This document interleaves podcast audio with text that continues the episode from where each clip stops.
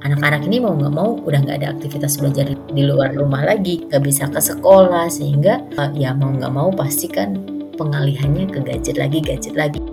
Kalau dibaca dari penelitian saya memang ada kenaikan 300% ya penggunaan gadget selama pandemi.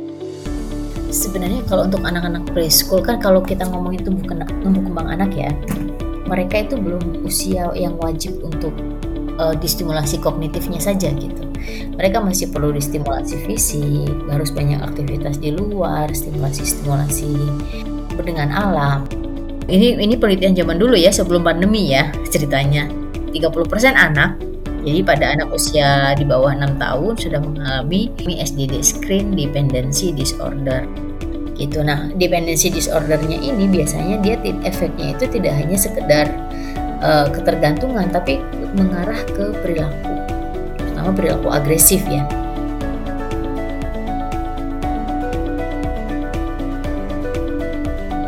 Halo semuanya, selamat datang lagi di podcast Sehat Seutuhnya season yang kedua bersama saya Will Yonas.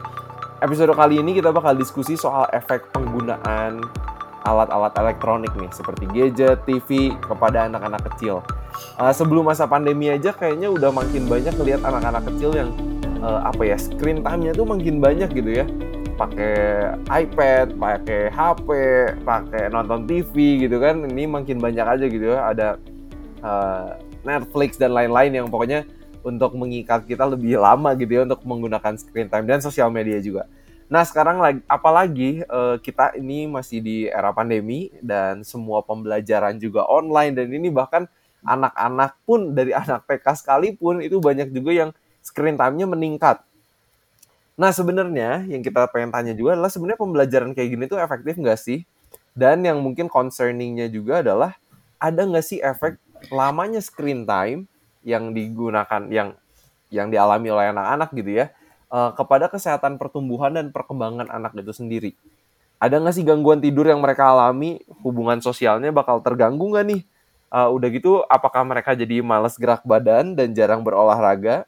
Nah, hari ini kebetulan kita sudah ada narasumber yang baru mengeluarkan penelitian mengenai hal ini di Mei tahun 2021. Uh, beliau sudah pernah diundang ke podcast Sehat Seutuhnya season yang pertama, seorang lecturer uh, dan researcher dari Universitas Tresmati Indonesia di Jakarta, seorang vice, vice director dari Center for Family Aging Study.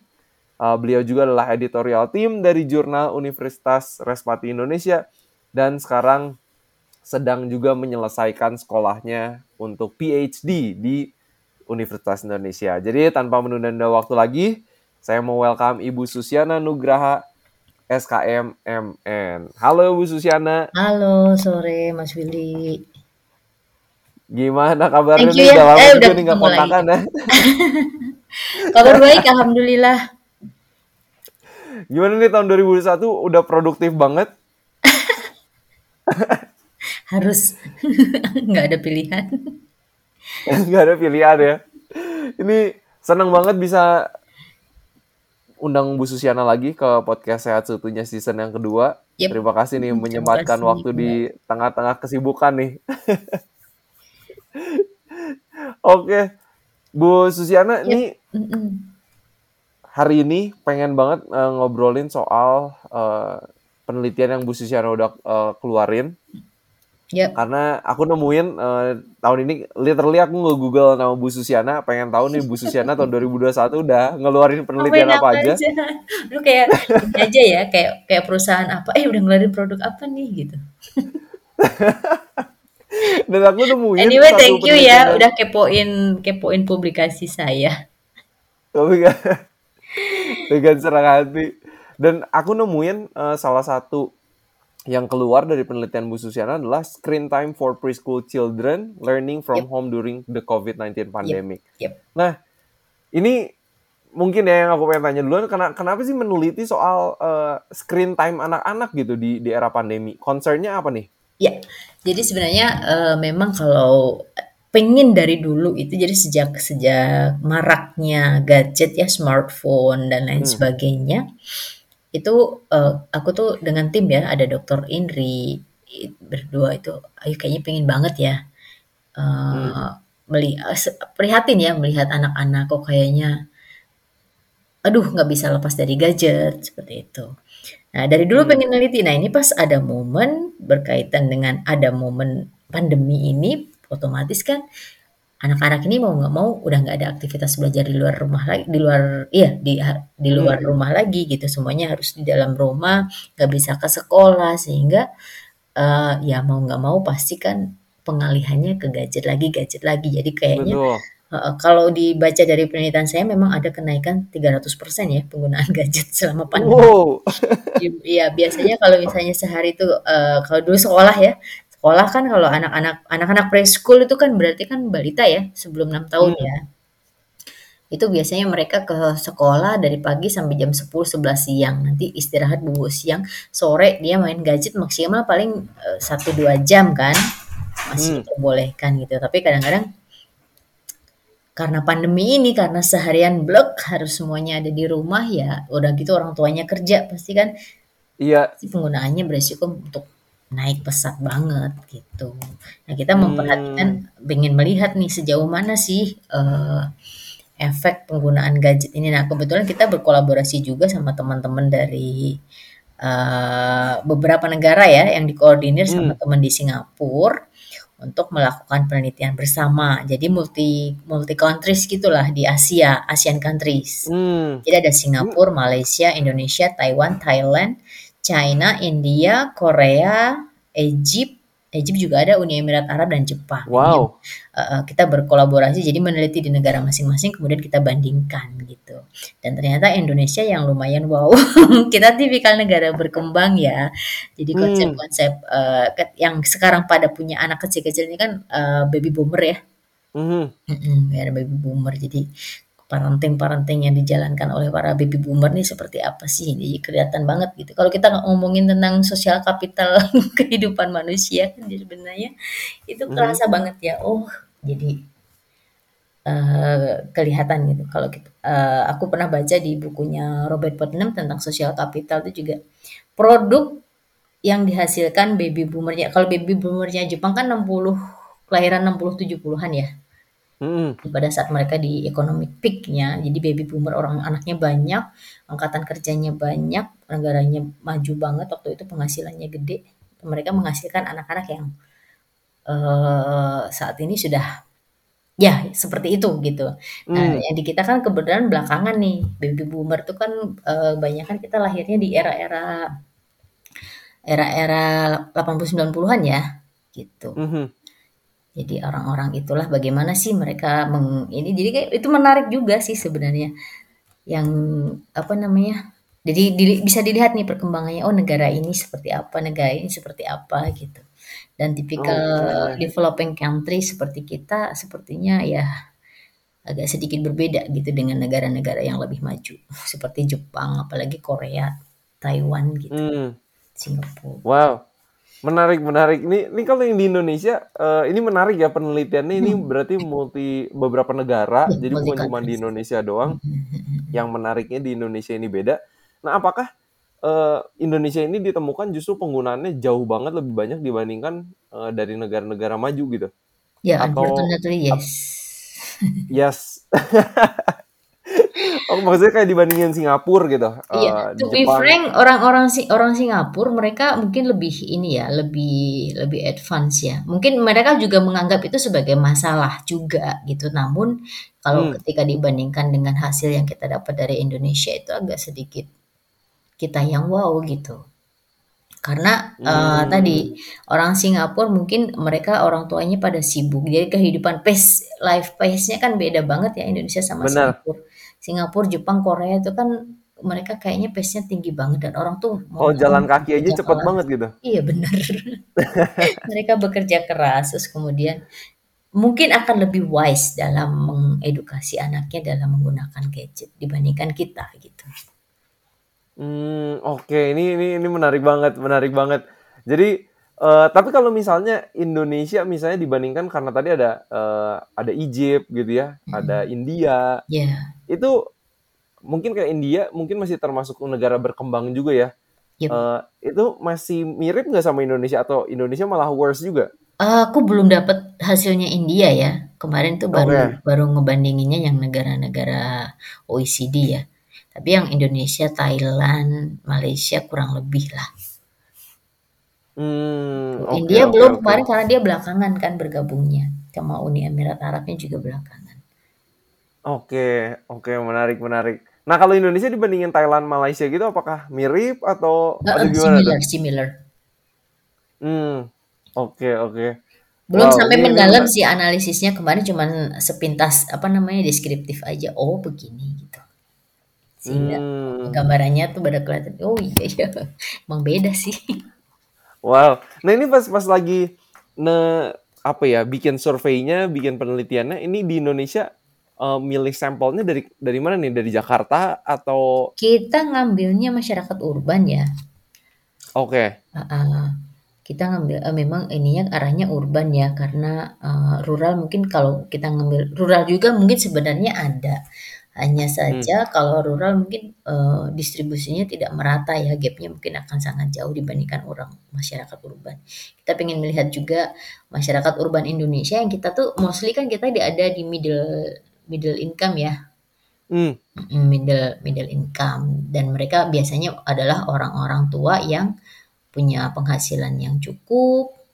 Artinya cukup dong dia mampu beli smartphone mampu beli kuota gitu untuk iya. uh, mengakses itu gitu. jadi middle ya middle up lah istilahnya gitu Hmm, jadi memang iya, kita ambilnya benar-benar. hanya di kota-kota besar jadi kemarin itu kita pilihnya Indonesia Jakarta Bandung kemudian eh, Yogyakarta ya lima kota besar ya Jakarta Bandung Medan Surabaya kemudian Surakarta itu karena ini kan surveinya online ya. Jadi surveinya online Hmm, memang kita menyasar masyarakat-masyarakat yang berada di wilayah perkotaan saja gitu. Karena kita screeningnya apakah anda hmm, tinggal di wilayah perkotaan kalau iya berarti lanjut kalau enggak berarti dia langsung decline gitu.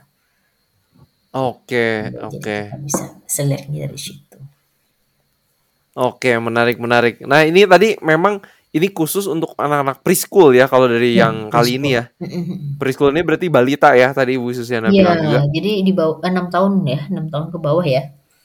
Hmm, benar-benar. Dan dan yang menariknya juga aku merhatiin anak-anak kecil, maksudnya sekarang anak-anak umur segitu aja udah pada jago gitu pakai gadgetnya gitu kan. Iya kan? Kayak udah ngerti buka ya aplikasi lah, foto, bikin video apalah gitu kan. Eh, eh, eh.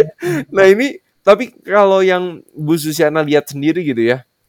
eh, ini tuh sebenarnya eh, pembelajaran untuk anak umur segitu dan online itu tuh efektif nggak sih sebenarnya? Sebenarnya kalau untuk anak-anak preschool kan kalau kita ngomongin tumbuh kena- tumbuh kembang anak ya, tumbuh kembang anak mereka itu belum usia yang wajib untuk eh, distimulasi kognitifnya saja gitu. Mereka masih perlu Hmm, distimulasi fisik, harus banyak aktivitas di luar, stimulasi-stimulasi eh ya dengan alam seperti itu. Jadi ya bisa dikatakan kurang efektif ya. Artinya anak-anak kan harus mereka harusnya belajar melompat, menendang, hmm, berlari, kemudian menyentuh-menyentuh bera- barang-barang dengan apa namanya? Dengan tekstur eh, itu kan pengenalan sensori ya, sensori motor. hmm. Ya itu. Jadi sebenarnya belum belum tepat sih kalau pelajaran pembelajaran online dilaksanakan, tapi it will depend on their parent. Kadang ada juga ibu yang meskipun Hmm, anaknya belajar online, tapi dia tetap membawa anaknya, distimulasi anaknya keluar untuk dia beraktivitas bersama ibunya. Artinya pembelajaran online-nya itu hanya sebagai referensi. Oke, latihan yang digunakan adalah ini. hmm. Ada juga ibu yang seperti itu. Tapi kan yang kasihan yang ibunya pada nggak ada, yang pada kerja misalnya, dia hanya Nah, itu dia. sama pembantunya. Itu Kadang-kadang Hmm, itu banyak sekali keluhan-keluhan. Intinya sih nggak efektif ya. Kalau hmm, memang memang ada memang kalau kondisinya kita mau nggak mau harus online, kemudian orang tuanya artinya orang tuanya harus bekerja double gitu. harus proaktif ya. Oh, jangan ngandelin dari sekolah. Kalau dulu mah kita masih masih bodo amat lah ya. Maksudnya bukan bodo amat ya. Artinya itu sudah diserahkan semuanya pada sekolah. Sekolahnya Iya. dalam artian ini pre preschool ya. Preschool tuh ada Hmm, bisa playgroup, bisa TK, TKB itu kan maksudnya hmm, preschool ya. Itu.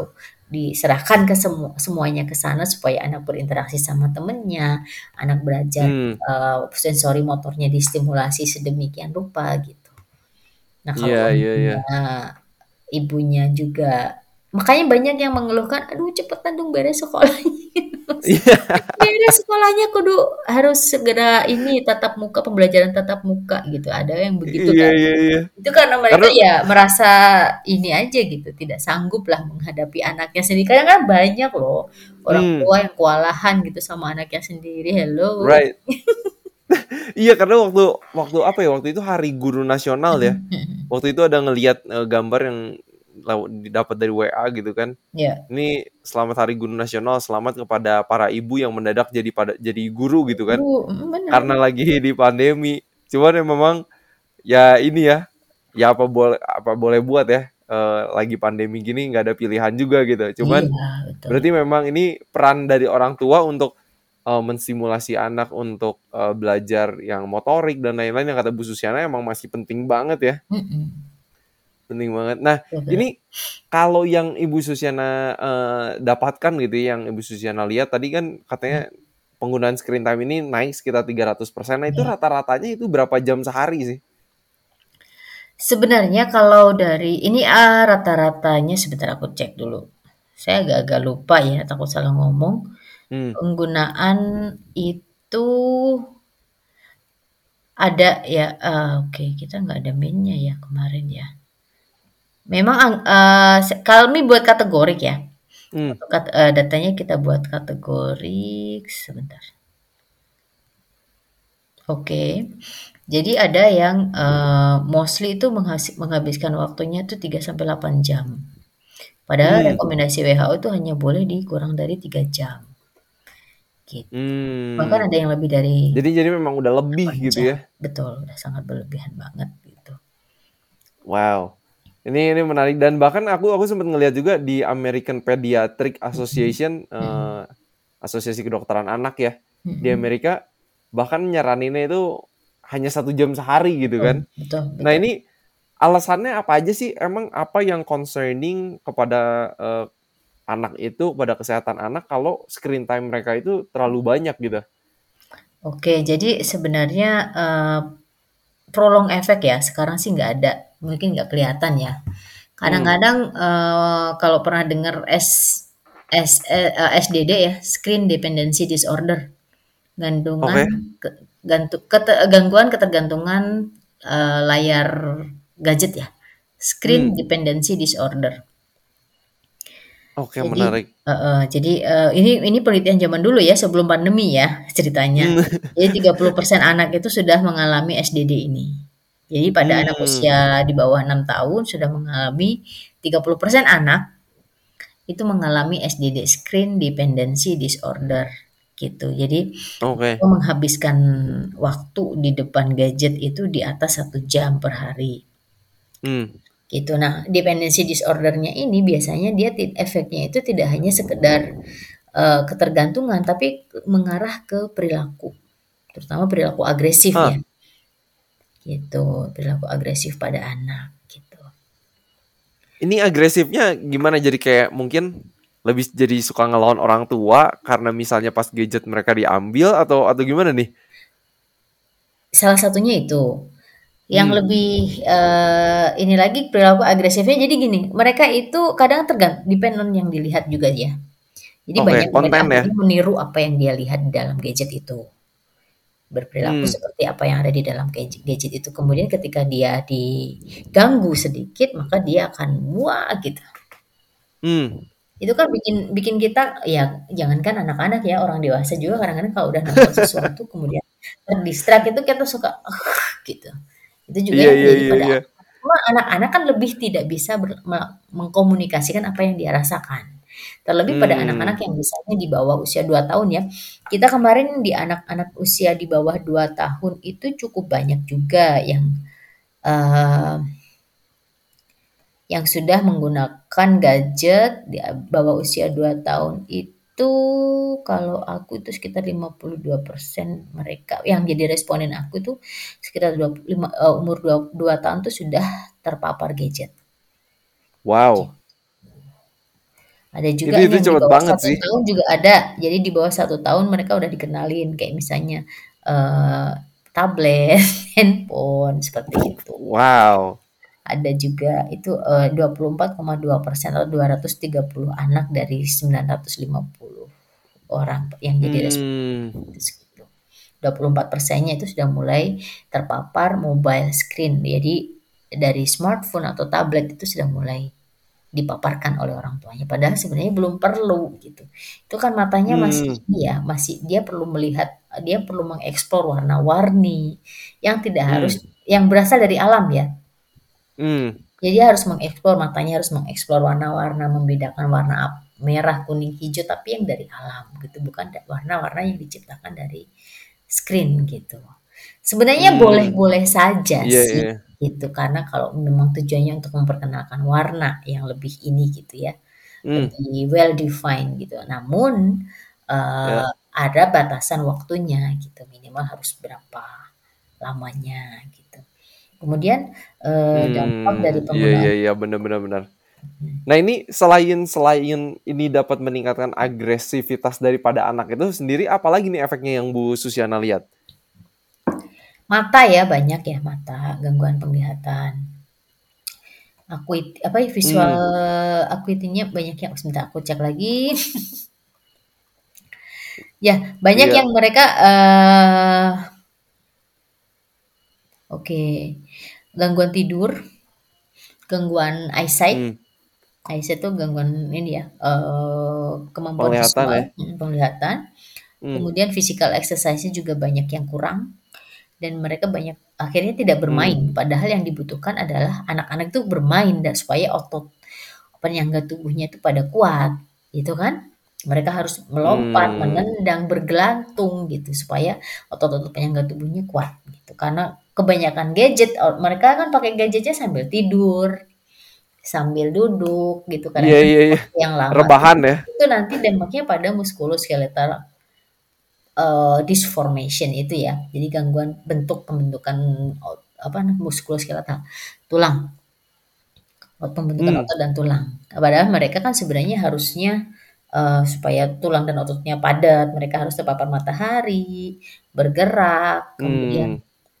eh, men- ya melakukan kegiatan aktivitas-aktivitas yang menstimulasi fisik gitu. Tapi karena kelamaan menggunakan gadget sih aktivitas itu stimulasi-stimulasi itu nggak ada gitu. Sehingga akhirnya Hmm. ya itu tadi. Kalau anaknya memang dasarnya obesitas dia bisa jadi obesitas. Ada saatnya ada yang misalnya gangguan nafsu makan itu bisa menjadi lebih buruk gitu. Bahkan saya Hmm. pernah ya eh, 2018 2019 kan saya ada project untuk eh, rehabilitasi nutrisi di salah satu Oke. provinsi di Kalimantan Timur. Eh Kalimantan provinsi di Kalimantan ya provinsi Kalimantan Timur. Di salah satu kabupaten di sana. Mhm. Jadi eh aku tuh waktu itu ada 328 anak balita dengan kondisi gizi kurang sama gizi buruk.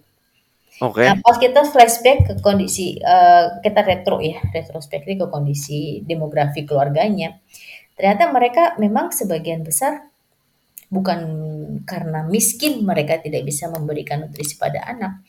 Justru mereka yang berada gitu. Nah, ketika ditanyakan mengenai kebiasaan makan, nah biasanya mereka itu biar anaknya mau makan dikasih gadget.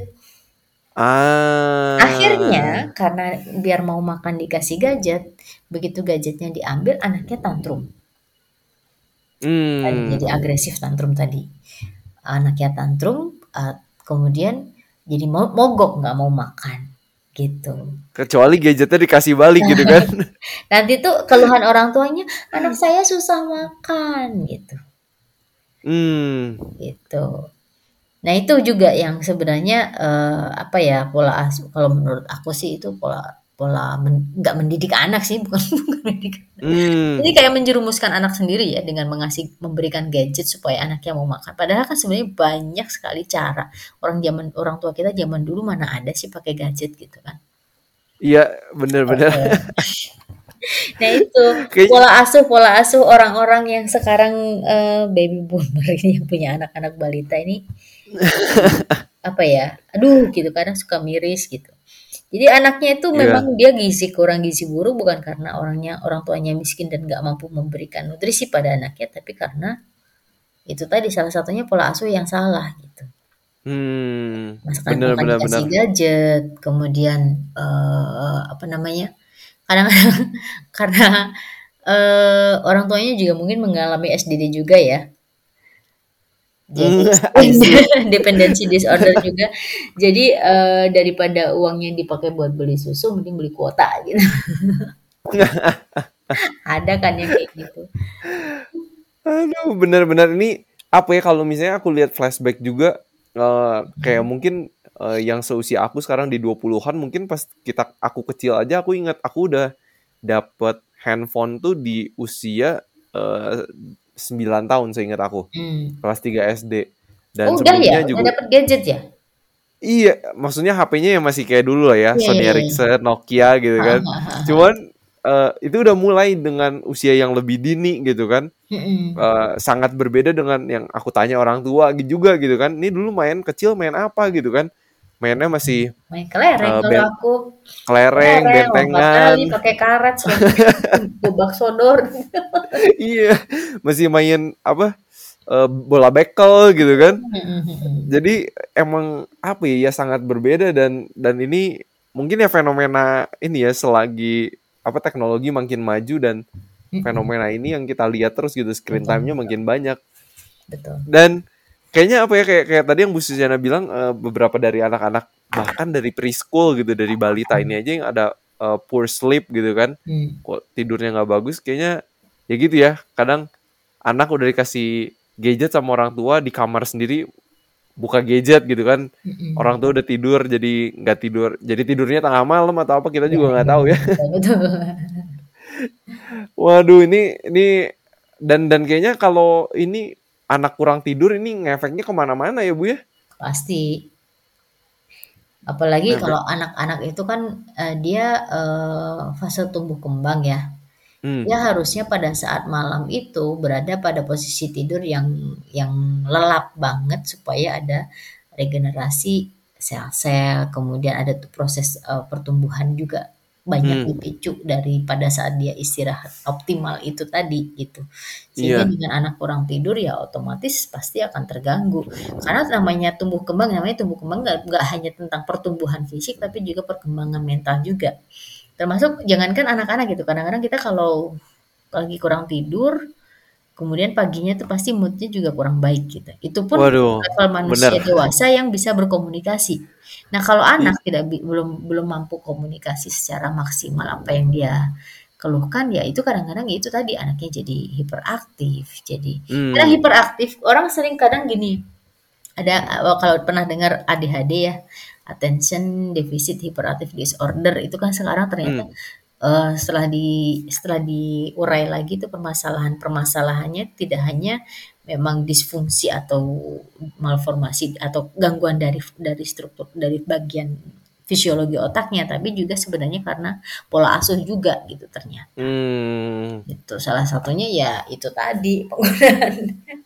Aku bahkan ada ini ya eh, one day itu ada anak temen ini aku juga sebenarnya oke. Oh wow gitu nggak I'm not amazed but anak ini tuh jago banget berbahasa Inggris. Oke dia dididiknya sama YouTube oh jadi dia gaya ngomongnya tuh gaya ngomong di YouTube Hi I'm Jane gitu kayak gitu oh, oh. jadi ini banget ya jiplakan apa YouTube banget gitu ya Nah, padahal sebenarnya dia bisa belajar banyak hal dari orang tuanya tuh pada saat usia itu. Nggak harus, nggak harus hmm. ber. Kadang-kadang kita gini ya, aduh bangga gitu kalau anaknya bisa ngomong bahasa Inggris gitu. oh iya iya iya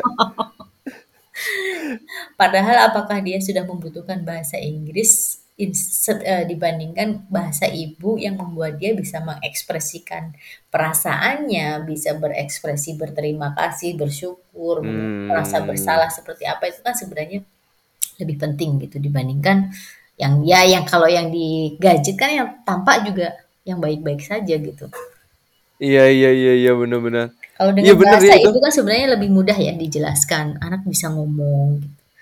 hmm benar-benar nih ini jadi pertanyaannya anak-anak anaknya pengen dididik sama gadget atau dididik sama orang tua sendiri gitu kan. Betul. Wah ini, ini menarik menarik banget.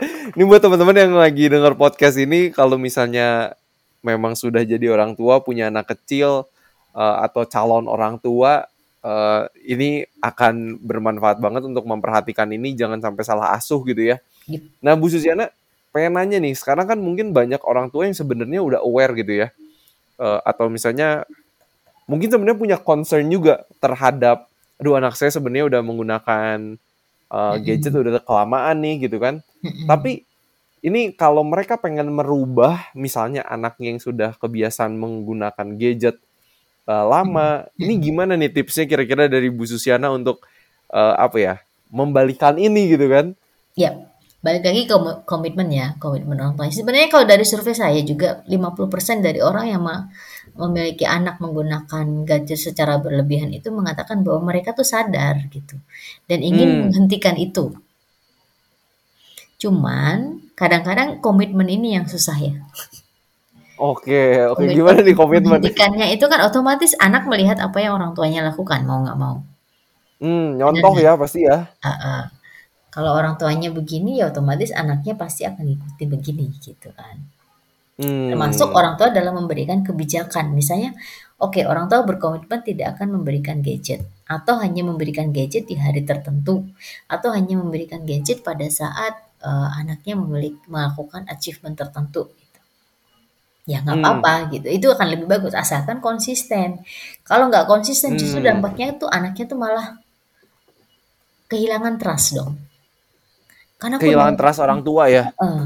kan aku udah lakukan ini ini ini tapi kenapa mama sama papa justru main gadgetnya kapan eh, kapan pun yang dia mau gitu.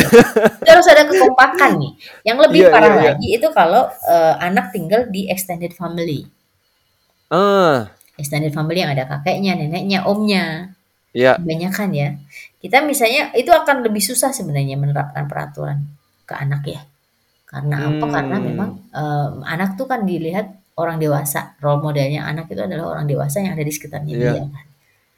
Orang tua kita orang tua bapak ibunya udah berkomitmen nih. Oke, kita eh, bikin aturan tentang gadget begini begini begini begini. Hmm. Kemudian eh ya kita udah menerapkannya tapi begitu anak melihat kok kakek main handphone, kok om main nah itu juga susah itu. Jadinya anak Iya, iya. kehilangan trust, jadi kehilangan kepercayaan. Ah, enggak ah, juga enggak Hmm. ini. Kenapa nanti akhirnya dia merasa kenapa itunya sama aku doang gitu. Benar, benar, benar. sama aku doang, memang aku salah apa? Ya gitu seperti contohnya. Hmm. Jadi ini kunci pertamanya, pertama ini harus ada Komitmen. ya. Komitmen betul. Udah Komitmen gitu dari orang konsistensi nih kayaknya kalau udah punya rules harus konsisten gitu Ya. ya. Terus satu lagi orang tua yang misalnya punya anak yang misalnya nih udah merasa anaknya lebih gadget, konsultasi dong ke spesialis tumbuh kembang gitu. Hmm. Khawatirnya kan kadang-kadang kita itu harus kejadian dulu baru menyadari gitu, Iya, iya, iya. ya kan? Khawatirnya nanti eh, anaknya tuh sebenarnya sudah mengalami gangguan tumbuh kembang, namun orang tua tidak menyadari gitu. Hmm, oke. Jadi Jadi mendingan kalau merasa anaknya ini ke- kira-kira nih ya, anak-anaknya anakku dari umur 2 tahun kok dikit-dikit gadget, dikit-dikit gadget. Kalau nggak dikasih dia akan jadi tantrum, akan marah-marah, teriak. Kadang-kadang hmm, anak itu kan eh, ini ya, ada pernah kejadian jadi eh, seorang anak yang gadgetnya ketika diambil sama orang tuanya dia langsung teriak, wah gitu, membuat wow. orang tuanya marah dan lain sebagainya. gitu. Itu kan sebenarnya sudah sudah merupakan gangguan perilaku itu. Betul, betul. Nah, Dan itu ini harus emang harus butuh waspada, harus cepat-cepat dibawa ke spesialis tumbuh kembang anak ya supaya bener. eh, ketahuan apa masalahnya dan kita bisa segera melakukan perubahan. Mumpung masih preschool ya, karena kalau udah Hmm. melekat udah lebih besar lagi mungkin akan lebih susah gitu. Wow, bener. Ini teman-teman yang lagi dengar podcast jangan apa ya? Suka kadang banyak yang hesitant untuk cari professional help gitu kan. Betul sekali karena merasa anakku baik-baik saja kok gitu kan. Iya, takutnya dinilai orang apa nih saya Nah, pergi ke betul. spesialis tumbuh kembang gitu kan. Betul banget. Betul Ada yang salah gitu sama anak saya, tapi justru kalau kita nggak pergi makin salah gitu kan. Iya. Jadi ya jangan jangan ragu-ragu untuk cari pertolongan ke emang yang di bidangnya gitu. Uh, menarik ya justru aku juga sempat ngelihat beberapa dokumenter gitu di di Amerika atau di negara-negara Eropa juga sampai udah ada uh, camp gitu summer camp misalnya buat anak-anak muda yang udah kecanduan gadget dan mereka di situ uh, kayak apa ya harus lepas gadget sama sekali terus belajar bertani belajar main yeah. sama hewan lagi. Dan apa ya karena saking banyaknya gitu sekarang yang udah kecanduan gadget sampai ada camp kayak gitu gitu. Mungkin nggak tahu hmm. zamannya Bu Susiana dulu mungkin nah, belum ada gitu kan saya kenal smartphone itu ya zaman ya baru ya seumur hidup saya lah maksud saya. Saya SMA baru ada internet dulu. Zaman dulu mungkin Mas Willy belum lahir ya. Jadi uh, dulu harus ke internet tuh dulu ke kantor pos. Bayarnya satu jam dua belas ribu. dua belas ribu tahun sembilan puluh lima itu mahal banget. Uh, lumayan ya dan dulu tuh sampai aduh bela-belain nabung gitu itu bagaimana kami mengikuti banget itu namanya perkembangan apa namanya digital ya digital hmm. things ya iya iya iya iya kemudian mulai ada smartphone itu di di 2000-an ya kalau nggak salah. Sebenarnya udah ada di 9 90 akhir tuh udah udah mulai ada handphone hmm. tuh. 2000-an. Kemudian muncul smartphone 2000 2000 sekian ya. Iya, iya, iya. Ya dari situlah. Jadi beda banget sama anak-anak yang lahir di tahun 2020, tahun 2021 gitu kan, wifi udah ada di rumah. Jadi mereka native itu ya, native native gadget. Benar-benar. Tapi sebenarnya uh, kembali lagi ke orang tuanya juga ya. Hmm. Gitu kalau orang tuanya memang berkomitmen, memang uh, tidak sederhana yang kita bisa omong ya. Betul. Jadi uh, balik lagi ke orang tuanya, komitmen orang tuanya mau mendidik anak, konsep pendidikan atau pengasuhan anak ini akan seperti apa itu akan akan mempengaruhi bagaimana anak ini terbentuk nanti gitu kan. Jadi hmm. orang tuanya harus kompak, bapak ibunya harus satu visi gitu. Jangan hmm. sampai kadang-kadang gini, ibunya udah ketat, eh bapaknya longgar atau sebaliknya bapaknya ketat. Benar-benar. seperti itu. Nah, aku kalau pengalaman aku ya karena anak-anakku udah SMA ya. Hmm. Jadi aku sengaja membuat anak aku tuh sibuk. Hmm. Pernah juga ngalamin, nggak sampai sih, anak saya pernah uh, beli smartphone itu umur SD atau SMP ya, SMP kalau nggak salah. Oke. Okay. Karena kita balik ke Indonesia. Waktu di Jepang kan nggak ada anak kecil pegang eh, smartphone itu memalukan katanya. Oh really? Wow. Yes, ya betul. Menarik, menarik. Jadi uh, saya melihat anak-anak teman saya, meskipun ya kalau di di Jepang mungkin jauh lebih advance ya uh, perkembangan hmm. teknologinya waktu anak-anak saya SD ya. Jadi memang nggak ada yang pakai yang pegang smartphone, nggak ada yang bersosial media. Ya udah mau nggak mau kita hmm. ngikutin ya kebiasaan di situ. Aku tanya, kenapa uh, anakmu nggak dikasih handphone, hmm. nggak dikasih pinjam smartphone? Itu kan bahaya buat anak kata dia gitu.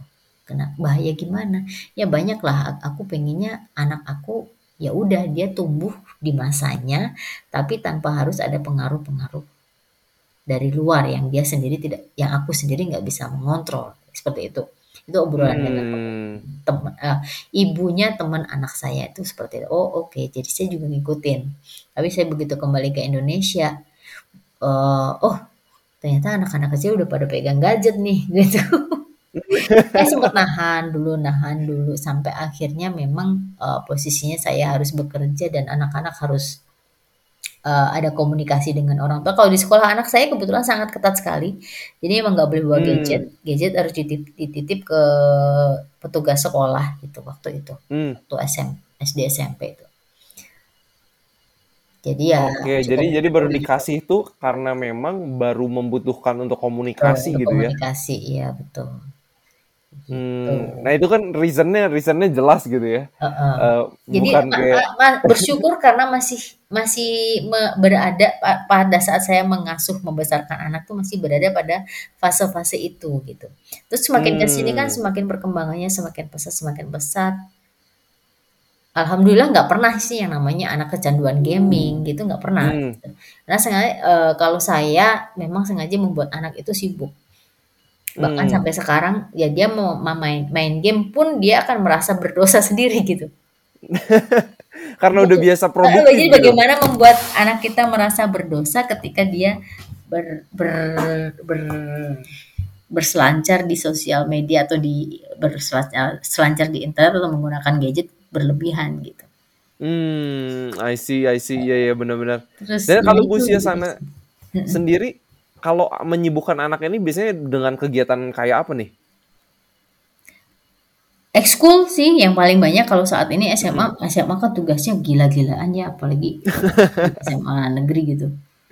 Waduh gila-gilaan kalau gurunya ngasih tugas itu kemudian di, mereka juga ikut ekskul full juga Hmm. kemudian eh, kadang kebetulan anak-anak saya suka desain suka desain Ah, suka bikin short movie kayak gitu jadi sibukin dengan itu saya suka minta tolong nih bikin video untuk edukasi misalnya hipertensi ya udah mereka yang bikin waduh, keren banget nih. jadi biar sibuk karena eh, itu Hmm. tadi karena eh, ya saya ag- ada ada agak parno juga ya jangan sampai anak ketagihan game online tapi dari begi- dengan begitu anak saya eh, jadi mengatakan dia maaf ini bukan bukan mau mau ngunggulin anak sendiri ya saya ngomong Hmm. begini karena memang pengalaman ya termasuk tadi dari hasil-hasil riset secara saintifik ya Hmm. jadi eh, mereka tahu udah mulai merasa apa ya jengah ya dengan game dengan Hmm. itu sosial media kayak gitu akhirnya ada pada posisi itu gitu dan Wow, itu itu itu saya bersyukur sekali dengan hal itu cepat juga merasa aduh kok gini gini amat sih gitu. Kadang-kadang juga dulu dulu sempat seperti itu tapi nggak berlangsung lama akhirnya udah everything is Wow. better now Ini ini keren banget Eh, karena kalau aku cerita juga kayak dulu aku kecanduan game online juga Eh, dan ya itu ya yang ngalamin yang kayak tantrum misalnya ketika hari Minggu nih itu kan waduh udah seneng gitu ini harinya main game gitu terus diajakin hiking gitu kan sama papa sama mama milih main game gitu dibandingin hiking gitu tuh kan iya terus sama Mm-mm. hiking sampai hiking tapi cemberut gitu kan atau atau Iya. gimana dan dan itu ya ada withdrawal effectnya ini karena Iya. udah addicted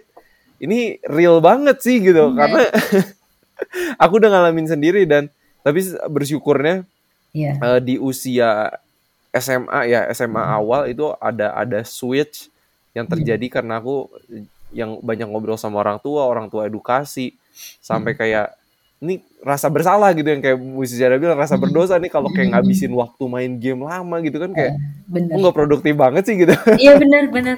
Anak eh ya kalau udah withdrawal jadi seperti itu ya. Lama-lama mungkin mungkin seiring berjalan bertambahnya usia juga ya anak-anak jadinya aduh, aku udah eh, gue selalu bilang gini, setiap hari itu kamu lakukan sesuatu yang membuat kamu produce something gitu. hmm yes Nah, jadi kalau dia tidak produce sesuatu, dia akan merasa menyesal. Entah kecil aja misalnya, bantu ibunya cuci piring, bantu hmm ibunya beresin kamar atau bantuin apa bantuin apa kayak gitu selalu begitu gitu jadinya dia akan merasa bersalah ketika hanya menghabiskan waktu dengan gaming yang kamu dapat apa sih dari gaming gitu? Iya iya iya.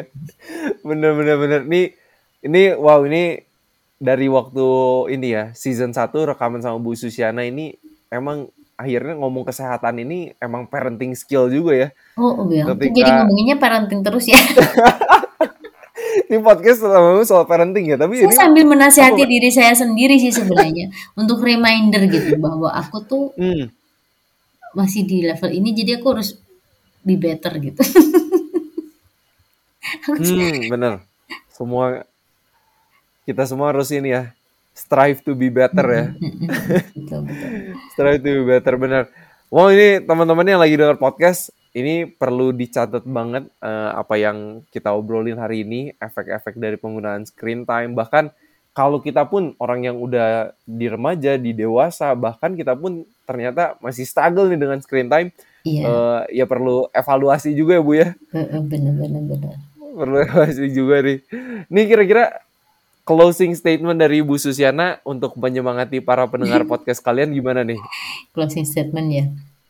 Uh, apa ya? Oke, okay, anyway, dampak penggunaan gadget itu panjang ya, bisa jangka panjang, bahkan hmm. bisa membentuk karakter seseorang ketika karakter hmm. anak ketika dia sudah dewasa gitu. Karena apa? Karena stimulasi-stimulasi, terutama kalau penggunaan gadgetnya pada early age ya, pada usia-usia dini, itu hmm. padahal dia seharusnya kan sudah mengguna sudah mulai harus belajar uh, sensori motor pada usia-usia itu tapi karena terdistrak oleh gadget jadi akhirnya si masalah si stimulasi tadi tidak berjalan dengan baik hmm. Jadi uh, mulai dikendalikan dari sekarang karena memang uh, mau tidak mau peran orang tua ini yang paling utama gitu. Hmm. Jadi ya komitmen lagi, balik lagi komitmen parentingnya seperti apa sih? Diskusikan dengan pasangan, kita mau mengarahkan anak kita ini seperti apa. Terus bagaimana membuat anak itu withdrawal dari gadget supaya mereka lebih uh, artinya kalau untuk withdrawal dari gadget harus komitmen kedua orang tuanya juga harus kuat aktivitas-aktivitas stimulasi-stimulasi yang perlu dilakukan ke anak juga memang harus di benar-benar dijalankan gitu. Nah kalau udah mulai hmm. masuk usia usia remaja, nggak buruk kok sebenarnya gadget itu. Mereka belajar berselancar hmm. di di di screen ya, asalkan konten-konten uh, positif dan terkendali dan bisa menambah skill anak. Misalnya hmm. anak belajar nonton YouTube untuk belajar membuat desain, anak nonton YouTube untuk memproduksi sesuatu, it's okay gitu. Asalkan ada batas hmm. waktunya gitu. Karena mau tidak mau memang e, kalau sudah usia remaja, mereka bisa belajar banyak hal ya dari internet gitu. Dan kita juga orang dewasa Betul. juga pun demikian gitu. Sibuk bikin sibuk aja anaknya. Jadi eh, hmm. kadang-kadang hmm. yang kita anggap kurang berguna itu dan spending a lot of time itu kayak misalnya nonton drakor, kemudian uh-huh. main hand main game ya, game online uh-huh. itu yang kan kadang-kadang waktunya mereka sulit kita mengendalikan gitu. Hmm. Nah itu uh, distraksikan aja jangan supaya anak nggak ke arah sana gitu. Benar. Gitu. Uh, Karena kalau misalnya sudah dikasih closing statement So balik uh -huh. lagi intinya sih komitmen ya closing statementnya ulangi lagi ya mas nanti dipotong aja yang iya. bagian. siap siap. Oke okay. closing statementnya komitmen orang tua itu penting banget.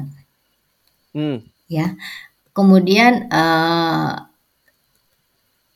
terkait tadi pembelajaran online tadi kayaknya perlu pendekatan yang berbeda. Jadi ketika hmm. memang ter mau tidak mau kita harus melakukan pembelajaran online, komitmen orang tuanya harus ditingkatkan lagi, terutama komunikasi antara guru dengan orang tua sehingga orang tua tuh benar-benar diberikan direction. Habis ini apa, habis ini apa, habis ini apa. Dan ketika hmm. anak mendapatkan tugas ya jangan orang tuanya yang ngerjain gitu biasakan anak. di situ sebenarnya guru itu ingin membuat anak itu diajari oleh orang tuanya sebagai orang yang tepat untuk belajar sesuatu gitu. Kadang-kadang hmm uh, ini bukan closing. Banyak orang tua. Yang gini ya. Ah, belajar online jadi ibu ribu gitu ada ya? Iya iya iya. Segala disuruh ini itu ini itu. Padahal itu sebenarnya tugas anak. Artinya tugas anak itu adalah ibunya atau orang tuanya siapa pun itu yang mendampingi agar anak terstimulasi melakukan hal yang tadi disuruh oleh gurunya. Karena kalau di sekolah itu memang hmm. benar-benar dilakukan bersama antara guru dan anak gitu. Masa hmm. guru bisa orang tua nggak bisa, itu kan? Benar-benar. Itu sih benar. intinya sih komitmen ya, komitmen dari um, komitmen seluruh orang tua yang terlibat sebagai pengasuh anak ya baik artinya dalam ini ada pembantu ada orang hmm. tua bapak ibunya kakek neneknya kalau ada pamannya dan lain sebagainya kalau memang ini... tidak yakin dengan extended family seperti itu ya sebaiknya mendingan membuat nuclear family aja supaya pengasuhan anak itu lebih terkendali antara bapak dan ibu, bapak ibu anak. Jadi pengasuhan itu benar-benar hmm. Benar-benar dan itu benar-benar harus di kita plan, komitmen, konsisten. Exactly. Ini kuncinya semua ya. Yep. Wow, ini Bu Susiana luar biasa. Thank you banget sudah berbagi lagi di podcast Sehat Seutuhnya. Semoga teman-teman ini ilmunya ngebuka wawasan lagi dan seperti biasa harapannya itu knowledge yang udah kita dapat bukan cuma jadi knowledge tapi dipraktekkan karena apalah artinya knowledge yang gak dipraktekkan gitu ya Yep. jadi seperti biasa teman-teman harapan saya semoga kita sehat seutuhnya